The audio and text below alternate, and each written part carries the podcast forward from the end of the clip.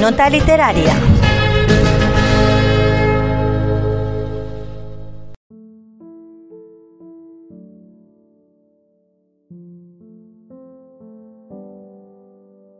Hola amigos. Hace unos meses, cuando os narré mi aventura por la costa oeste de Estados Unidos, os hablé sobre una de las generaciones más influyentes en Norteamérica en la década de los 50.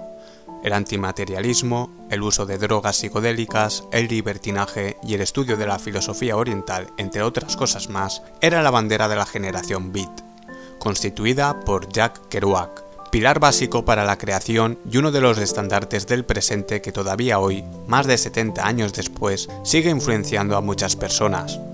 Pero no quisiera extenderme con aquella generación, sino centrarme en Jack Kerouac, quien la definía como simpatía y complicidad. Bienvenidos a la reseña literaria de la Tegua Radio.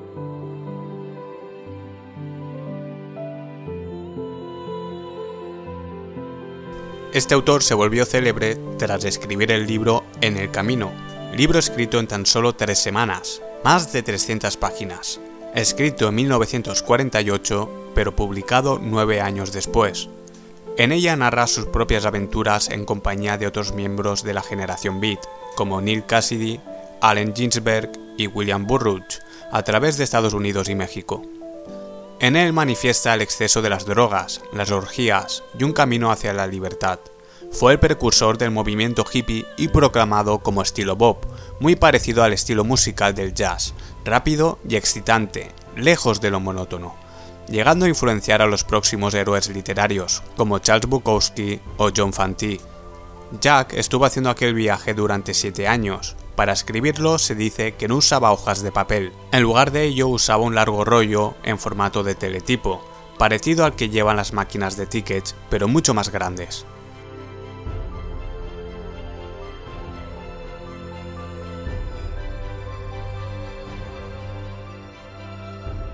El libro está narrado por el alter ego de Kerouac, Sal Paradise, y protagonizado en la mayoría de los viajes por Neil Cassidy, aquel hipster idolatrado por toda la generación beat cuando la palabra hipster no era muy bien recibida. Para mí este libro será muy bien acogido para aquellos que conservan un espíritu aventurero. Muchos lo califican de lectura para jóvenes, pero no es cierto. Todo aquel al que le guste los viajes, la aventura, el vivir el momento, el aprovechar cada instante, se sentirá identificado con muchas partes de este libro. En 2007 se lanzó una publicación más original, extensa y explícita. El manuscrito original se encuentra en Indianápolis, en posesión de James Israel, propietario de un equipo de fútbol americano, y la película se lanzó en 2012, siendo muy criticada por la falta de entendimiento y empatía con el trabajo del autor.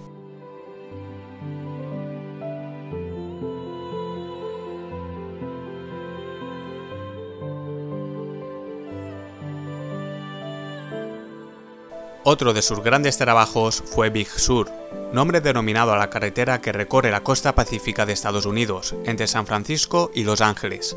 Allí es donde Jack busca una casa y se aleja del mundo que lo oprime. Un mundo lleno de fans, de fiestas y locuras. Quizá un libro que intente acercarse más a la madurez literaria, aunque sin llegar a dejar de estar ebrio.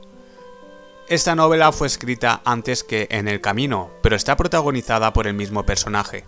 Durante su apartada estancia de la sociedad verá cómo corazón y sentimientos luchan por sus preferencias.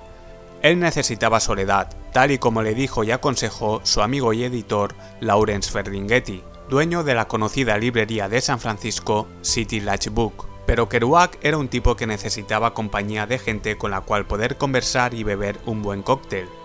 El miedo a la muerte, la psicosis, la depresión son temáticas invariables en este trabajo que quiso escribir como vía de escape. Yo lo declararía libro primordial para llegar a conocer realmente a un autor de novelas y poemas espontáneos ensalzado como a un rey.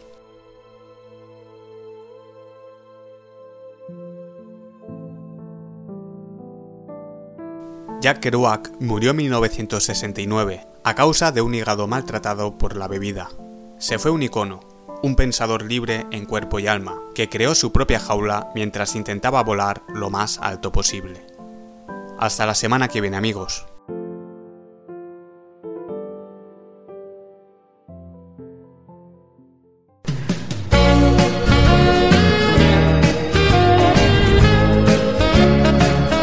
Nota literaria.